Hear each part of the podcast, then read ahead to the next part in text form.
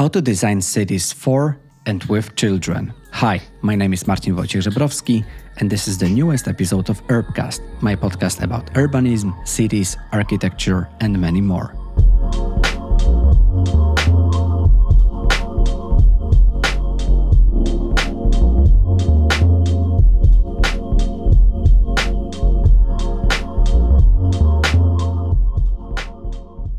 And today I have a great pleasure to talk to Marie Astrup, who is the founder and urban play designer at Op and Ned, which is translated into Up and Down, in which, together with her team, she creates unique spaces for children. She works in the field of architecture, design, and art, combined with an understanding for humor, play, and all activities that make the life worth living.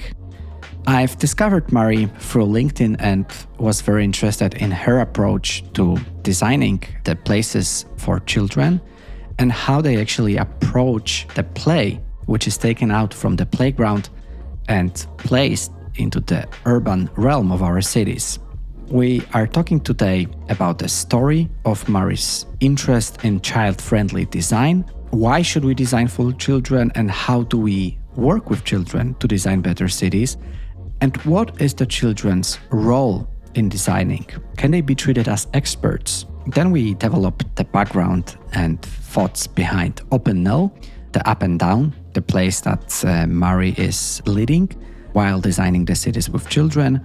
How do they normally work? Whom do they collaborate with? And are the children present in the design and architecture debate here in Denmark? Welcome to the newest conversation with Marie.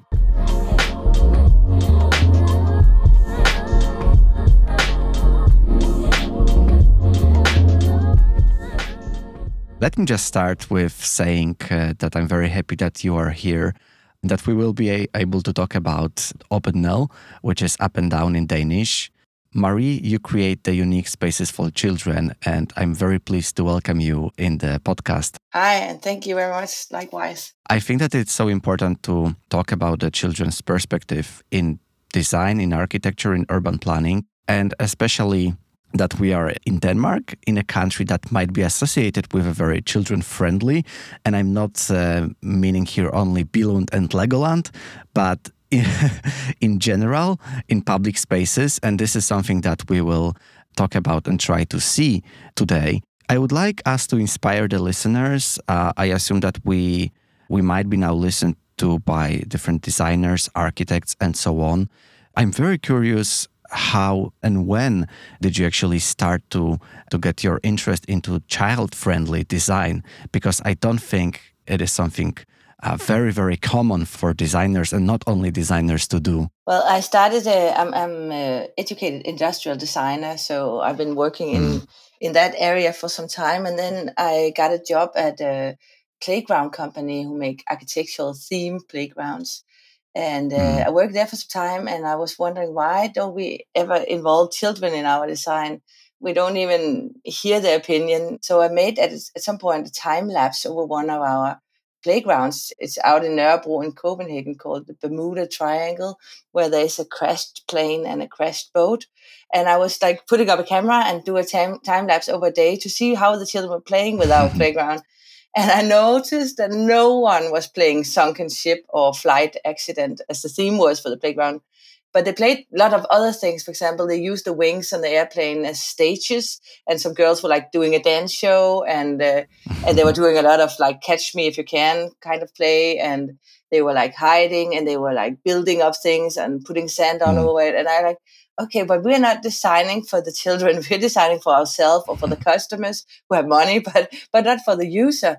And, uh, and that tricked something in me. And then I had some dialogues with the, the design school in Kolding, where they have a new. That was five years old, but back then it was uh, a new uh, direction called Design for Play, and also in Billund they have a office called Capital of Children where they also work a lot with the mm. uh, this children involvement. And I got super engaged in this with like, why don't we design for children when when the user is children?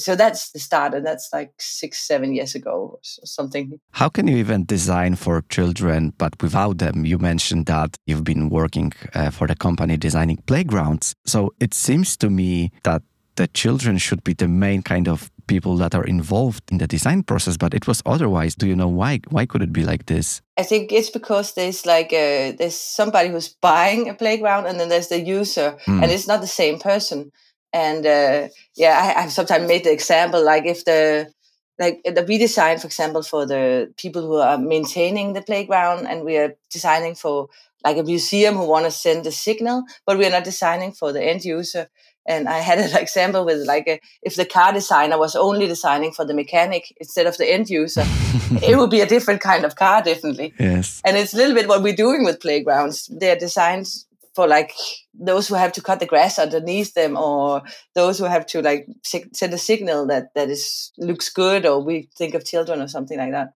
The other thing is that i think many people think children are a little bit difficult uh, user group. They're difficult to involve because you cannot just ask them and then they answer. You have to like sit with them and play with them and listen to their perspective.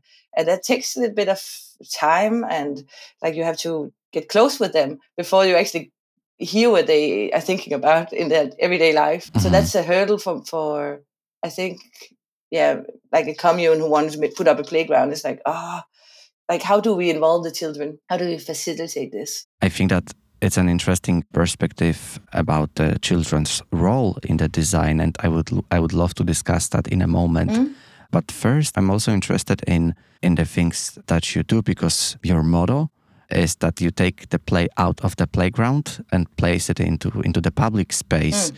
And then I started to wonder should we do it that way? Isn't it that the playground is the place that we should play and the, the public space is something else, is something that has to be very safe and and that there should be this clear border between the play space and the and the public space? Well, children make up 30% of the urban population worldwide. Mm. The UN says that in 2030, 75% of all children will live their whole life in the childhood. So I don't think that you can like put a play into a box and say, okay, it's only here you can mm-hmm. play because children's everyday life is play. That's how they, they are in the world. So mm-hmm. if you say you can only go here and now you can play and now you have to uh, pretend like you're an adult in the rest of the city, it doesn't make sense. And the other take is that cities that are safe to play in and safe to be a child in is also more pleasant for adults. So it's not like a like mm. we take something out. But when I look at the different cities, I see them develop for like traffic infrastructure and for the shops or for trading or stuff like that, but not really for people. And uh, this human centric way of looking at cities is very much also mm-hmm. a child friendly way of looking at cities. Before also we talk about uh, design principles that you use, I just wanted us to identify some problems that you are trying to solve because I, I think it's just very important for us to to paint this this picture of what it actually takes to work with children because I don't want to just say that you are just playing with them mm-hmm. and then everyone is happy and so on but there are many different challenges and you already mentioned some infrastructural challenges, uh, motor challenges, but there can be also the loneliness, lack of self esteem, or other social challenges.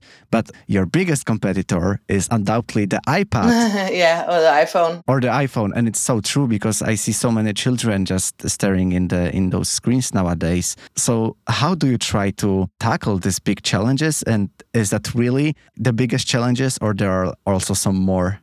there are many more.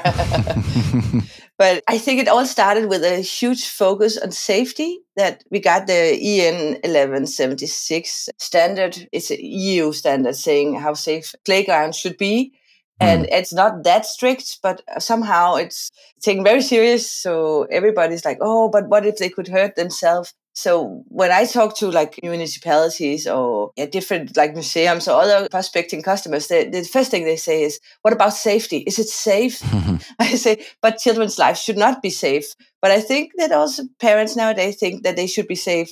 So rather than let your child run out in the city and run around by itself, you would mm-hmm. prefer that it sits at home. And if you have a child like any other child, they need things to happen. And therefore, iPad and iPhone is easier to hand them because it's safer mm. than them running around. But it's not, a, of course, not a good way to develop like social skills or to develop mm. motoric skills or any of the other skills that you, you get from playing like outdoor. so yes, I think it's it's the biggest challenge is that both the children think it's much more interesting because the games on a on a phone or an iPad is more interesting because there's happening a lot and you have to do very little to get like a lot of points mm. or a lot of coins or a lot of something and uh, you don't have to interact with other people you don't have to do a lot of stuff to be part of a game whereas if you have to go outside and find your own friends on a playground it takes a lot of courage mm. and a lot of uh, interaction with people you don't know and I have not solved it yet, but I'm talking a lot with different experts, and I want to put out like a, a think tank of how we can make modern playgrounds. And I don't think we do that now in Denmark in general or in the world in general that are as interesting for children nowadays as like the iPad. Because when you look at like indoor play and outdoor play historically, then indoor play was a little bit like building blocks or playing with dolls, and outdoor play was playing mm-hmm. in in a swing or in a playhouse. But now when you look at an indoor play, it's like super high tech games, look like cartoons and are really fun. And outdoor play is still a, a, swing and a playhouse. So I think we have something like we also have to make it like a little more advanced and interesting playgrounds. And uh, that could be done in lots of different ways. And I haven't found the key to it yet, but I'm trying to to get closer to it by working with children on this topic. So you mean that the outdoor playgrounds, the outdoor play, didn't catch up with the standards of modern children. I think so, yeah. I think many kids they stop playing outside when they're six or seven, like when they start school age, because mm. it's super boring. It's, it's like uh, mm. like if you go to a normal playground, they have tried it all and they know how it works. So and it's very uh, it stands very still. It's not moving. There's not nothing happening. Or and I think we could do so much. I like we could, you know, use their own power to create electricity inside the houses or we could do stuff like like make it more exciting but uh, i need to dive deeper into how how can we compete better so it's actually more attractive to go outside than staying inside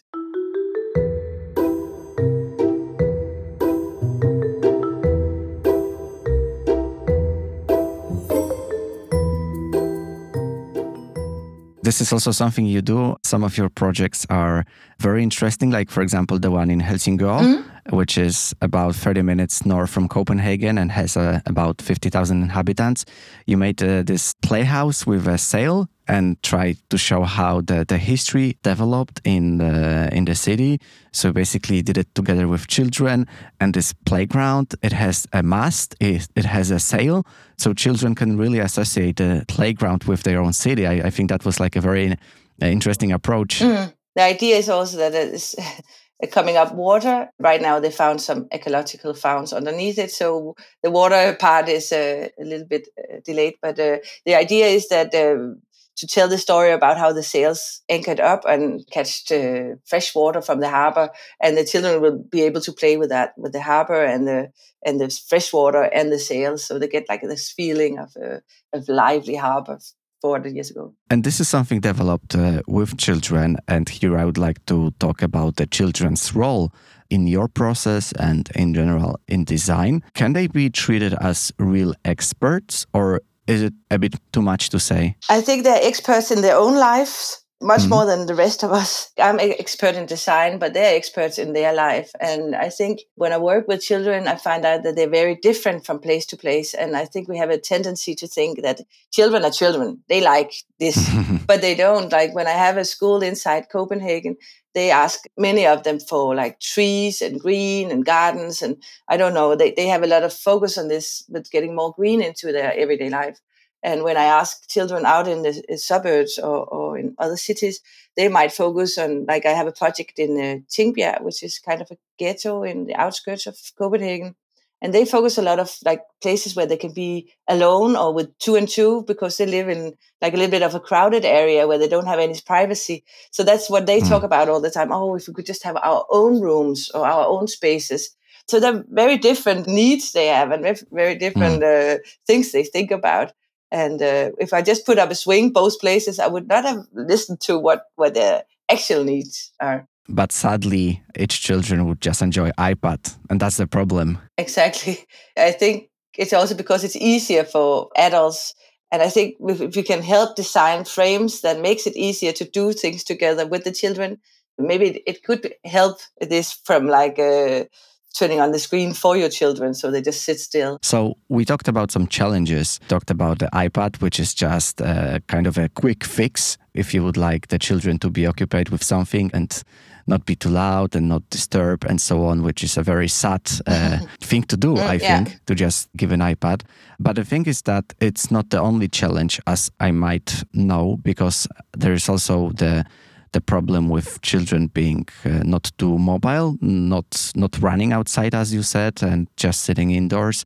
And it's not only the psychological problems, but it might be also obesity and many others. So, how do you try to tackle those, and and also if there are any other challenges. I know that we already discussed about some, but I would like to show the full scale of challenges that we are talking about. I think a big challenge in almost all cities in the world is the traffic, because that's maybe the reason why, like, children has always been loud and running around, and mm. parents have always been annoyed, I think. But the difference is that in like 40 years ago, you just throw them outside, go outside and play, so you're not in here next to me and now they, they give them an ipad but it's you learn so much more from being outside and run around and, mm. and play.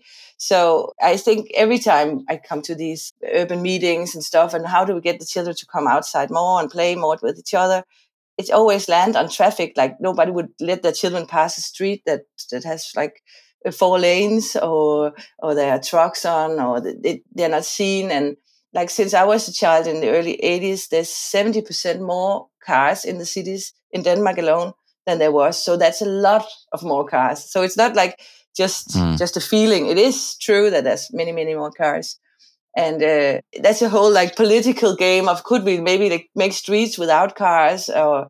Sometimes I, I mm. go to like meetings and we end up with like cars who can only drive 30 kilometers, but it's still not safe for a little child to play with their cars that drive 30 kilometers.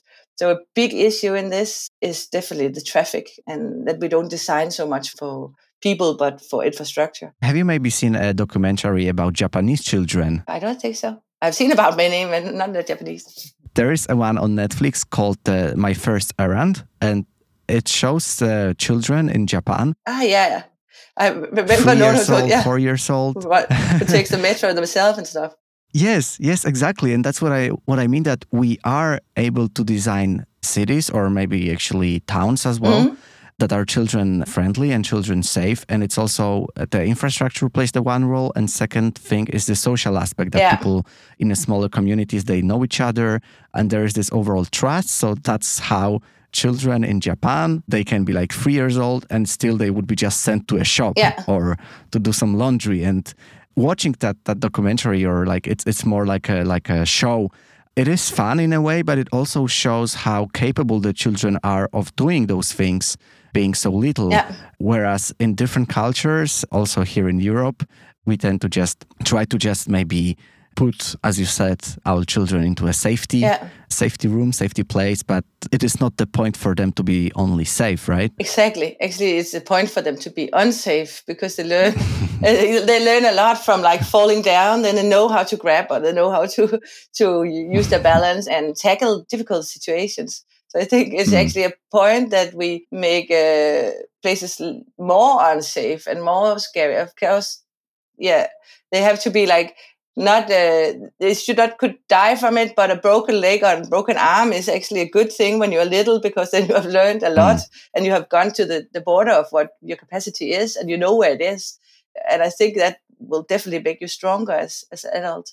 Another thing is just i saw uh, i think it's they showed a, like a, a diameter of of a girl and her mom and her grandmother of how long how much distance they could move away from their home in their childhood when they were eight years old and the daughter who's like child now she could like move around 300 meters from her house by herself mm. and the mom could run around in the neighborhood like three or uh, four kilometers maybe in all in all square meters and the grandmom she was like all over copenhagen she just took the train around and and like i don't know 30 kilometers away and that says a little mm. bit hmm. about like and it's not like it's more unsafe it's not like kids are getting kidnapped nowadays more than 80 years ago. It's not more unsafe to be a child nowadays. It's just a perceived feeling of unsafetyness and then a lot more traffic.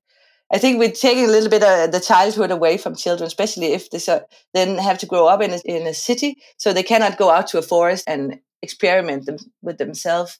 If the only uh, experiments are in a very very safe playground, I think we we are not supporting healthy child at all. That's why I think that suburbanization is so uh, tempting mm. for many families to just move out. And of course, we see it all over the world that you have this dream of safety, mm. of privacy. That's why you move out and take your children with you, of course. And, and this is how you try to create this sterile framework for children. But actually, I don't think it's it's the right thing to do.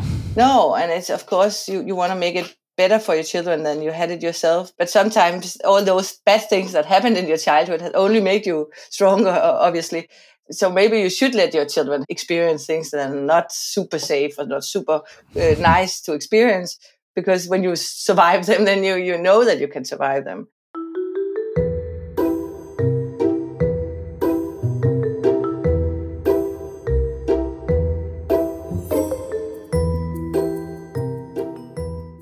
So providing children with uh, some level of safety, but uh, in a way that they still can experience things and have some bruises and, and just learn by playing. I think this is one of my key takeaways from our discussion. Mm. And here I also would like to talk more about your design principles in OP&NED, mm. up and down. What are your working methods? What are the things that you also learned over the years and implemented as a, as a method? well we're based on a, like this co-creation with children so our design mm. process is taking in the children as much as, as possible and we have developed like this kind of master class where we go out and meet with the children like over five afternoons for example it depends a little bit of the age group like how much we can involve them also in in the design process but definitely in the research and and the ideation process. And yeah we're like of course, kind of based on design thinking. So we're like researching, testing, and designing, and then we're testing again and making small prototypes.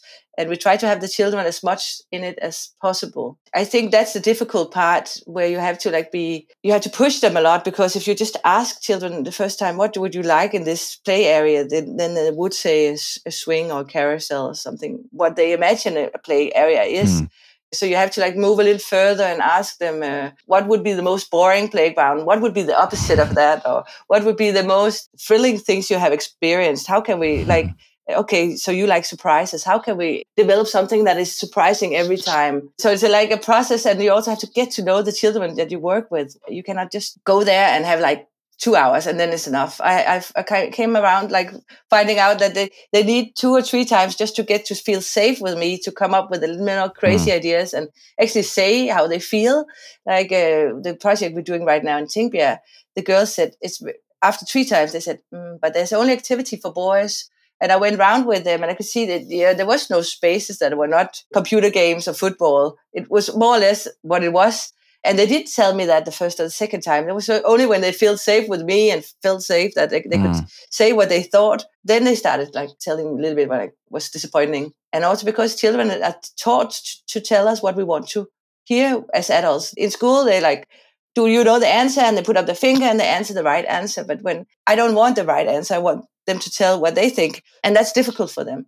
So I have to mm. tell them a lot of stupid things about myself before they start telling what they might think is stupid to begin with. Yeah, it's a bit of a process that it takes a bit of time. The example of a school is something that makes me a bit upset because uh, that's true. Since the youngest years, we are taught to have the correct mm. answer mm. and, and try to behave and so on. Maybe it's it's a bigger of a topic, so maybe we, we, could just tackle yeah. tackle that in a different discussion. Here, I would like to come back to what you do because it's not that you only develop the, the playgrounds, but you developed urban spaces mm. for children and and young people. What is a process? What is a typical process of your work? Is there a typical process, or it really depends on the site? It depends a lot of the site, and also depends of how how important it is for the the customer to to involve children. This project in Tingbjerg, it was very important to get the children into the process because everybody else has has been already invited, and they were like, okay, but we need to have like a view from the children as well. They are developing a new young club area, so they needed to have the hmm. children as well and uh, the process in uh, Elsinore that you mentioned earlier with the sail, they were just like, uh, okay, but let's test it with children. So we came up with a design and then we had children come and test it and tell what they say. So we could like redesign it so it fitted better what they what they thought was fun and not fun. So it depends a little bit of how much how much can we are we allowed to involve the children because mm-hmm. it's a mm-hmm. long process and sometimes it it ends up with a little from them because they they agree with what I come up with or they don't have an idea mm-hmm. or it's not possible to develop the ideas that they, they want.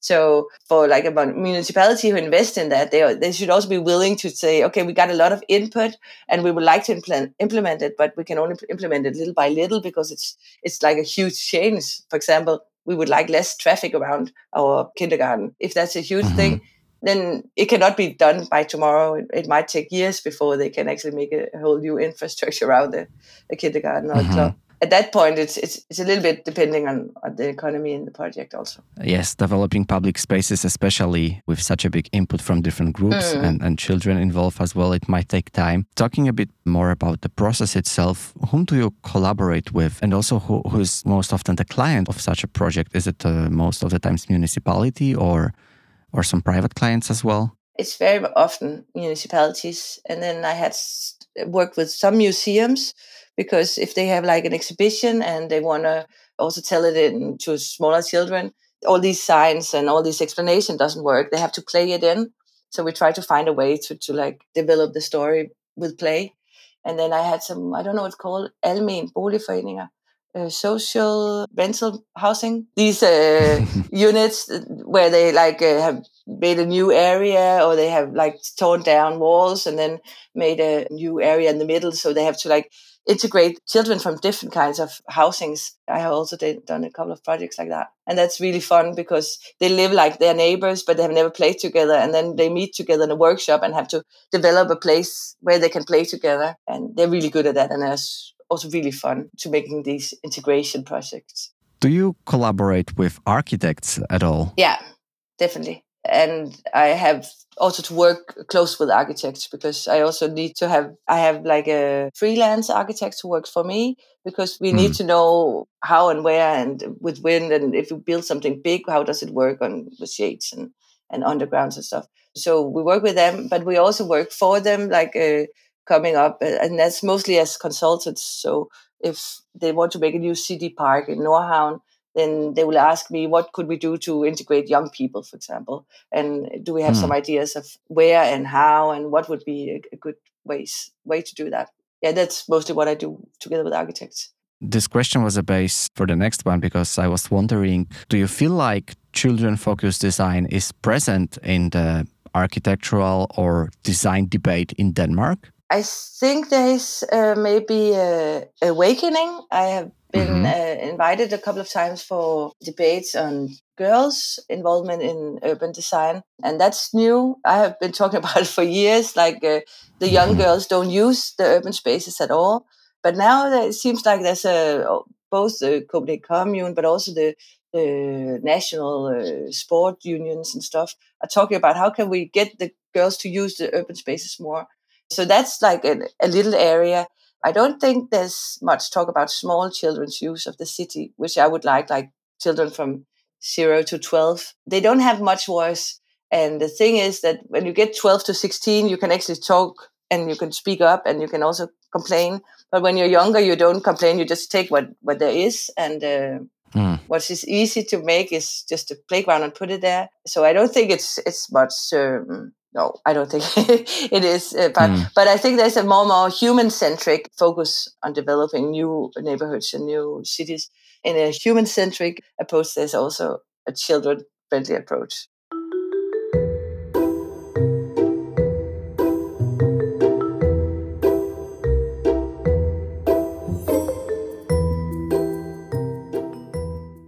I'm a part of architectural branch myself and, and I'm also observing it and I think that we unfortunately deviate from those children friendly topics when we think about how the urban development looks like nowadays. Also in Denmark, like when we talk about Copenhagen, we start talking about some mega projects mm. like uh, Lynetteholmen, for example.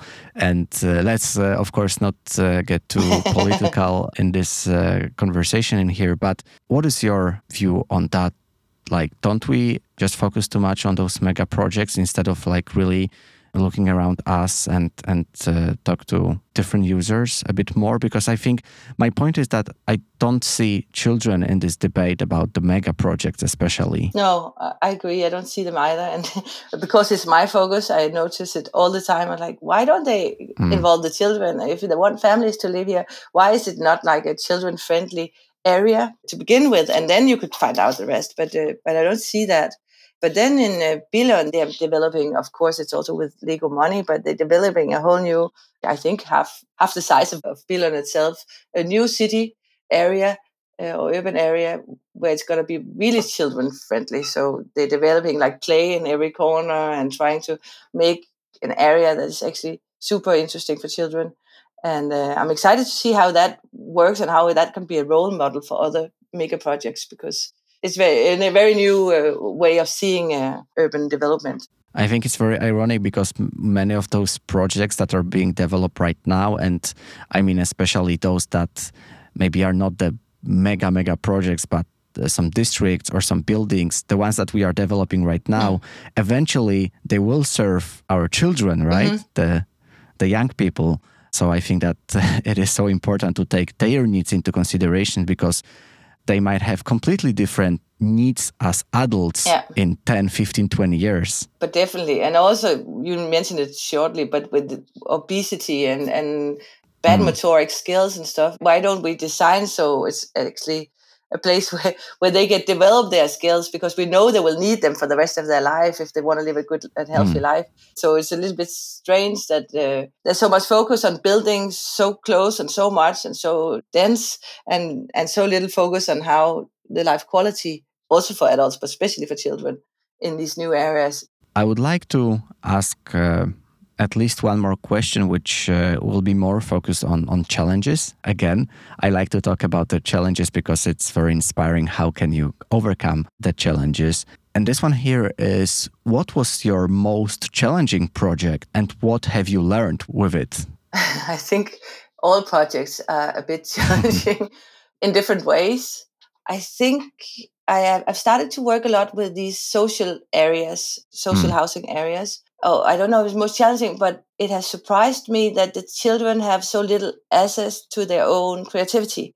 And uh, we have hmm. been, uh, we have had to to make like stop and make a workshop just on how to get ideas and how to be creative, because it was so difficult for them. Like uh, I thought it was like a issue in itself that why are these children so so far away from their own creativity? Is that because we don't listen much to them, or is that they mm. don't get not enough support when they get a new idea. It's just like put in a corner. Yeah, whatever. You, you, we don't need your ideas because I think they, they need skills. And like if I work with them for like five weeks or something, in a, a day a week, of course, they get much closer to it and they are really as creative as other children. But but uh, it takes a long time and it, it's it's really far away. And then I have children like work with in Billund who's used to work with design and play and stuff, which is for them it's really easy to come up with a lot of great ideas.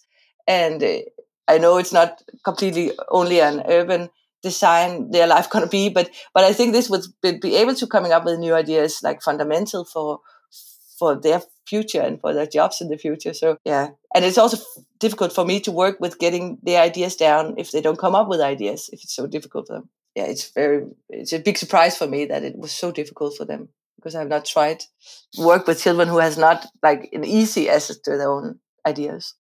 And uh, are there any things that you've learned with designing with children that you try to implement in your own life with your children or with your like family? I actually learned that children are really wise. Like you can ask them everything, mm. and also that they want to know everything. I had a project where I was doing a bicycle lane with a group of eight, nine graders, and uh, and they were like, I, I, said, oh, this area we have to design. And they had to come up with ideas and we worked together and it had to be much more colorful. They designed for younger children themselves. Like they were 15, 16 and the children they designed for were like preschoolers and early school kids. And they wanted to know everything about like what does asphalt cost? What laws and things do we have to follow? What rules uh, were implemented here? When how far does a light uh, pole has to be away from the bicycle lane? Everything. They wanted to know everything. And they were like afterwards they're like it was so great workshop because we learned so much about how how to implement things in the city. And now we understand why. Now we're just not complaining. Why is there no light pole here or light pole here but we actually know that it's because it has to be 30 centimeters away from her. and I think that maybe before I thought like, yeah, but they don't just want to have fun and they just want to design. But actually, I think they're really curious and what I can teach them is not what they teach uh, learning in school. It's a little more about like their everyday life. So for them to get to know and feel that they have a role in their urban space is actually really important. And uh, I also started to ask every children, are not only my own, but also other children, uh, about everything because I like to, to get them involved. And if they don't understand, I would like to explain, and then I would like to hear the answer. They're very smart, those kids. They, they come up with really fun thoughts and things because maybe the experience had not taught them not to to uh, think that way or that way. So it's after all about sparking this uh, inner curiosity. Yeah. And I think that this is brilliant that, that the kids and the teenagers themselves can also educate themselves about the, the city, right? About the perception of a city. And I think this uh, architectural and urban education is very important. And this is something that we lack at schools. At my school, I had to like learn the city myself in a way. So I think that this is this is really, really uh, brilliant. And finishing on this educational note, I was wondering if there is any book that you could recommend to the listeners that ideally would be connected to the topic of our discussion. Yes, I actually have two books. One of them is the Soft City. Do you know that? Yes. Of course. and uh, and I think that also implements on children this with that they have to happen something new every four seconds when you walk on the street, and this with making spaces for sitting down and and for moving around. And for me, I just added some notes in the side like children move differently than mm-hmm. adults. Small children they move with high speed and then they stop. Uh, where we just economize more with our energy, so we like go steady forward. Then they spend it all, and then they have to rest but uh, but making space for that, making space for, for different kind of personalities is a good part of that book. So I like that.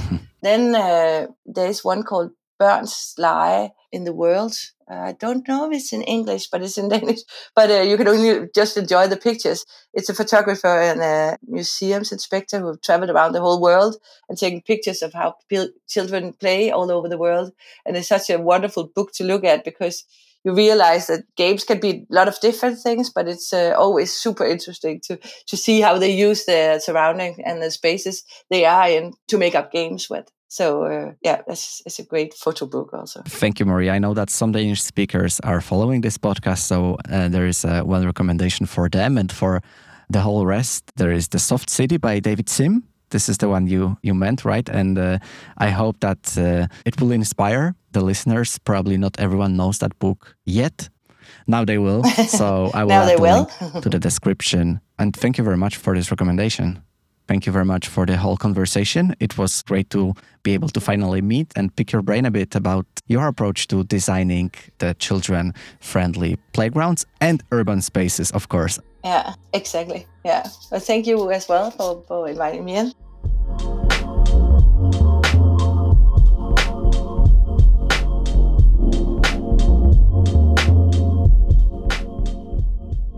Thank you for listening to the newest conversation with uh, Marie. And I hope that you managed to learn something about how to design the children's friendly cities and that it's not only about how the playgrounds look like, but the play should be actually allowed for the children outside the playgrounds and that they should be able to experience the city themselves to get some bruises and uh, to learn what does it mean to be part of the city? Why shouldn't they be just silenced with iPads? And uh, why it is really, really beneficial for them to be part of what's happening in the public realm of our cities. If you found that conversation interesting or useful, please share it with someone else who also might like it and and benefit or learn something from listening to it. Thank you and talk to you soon.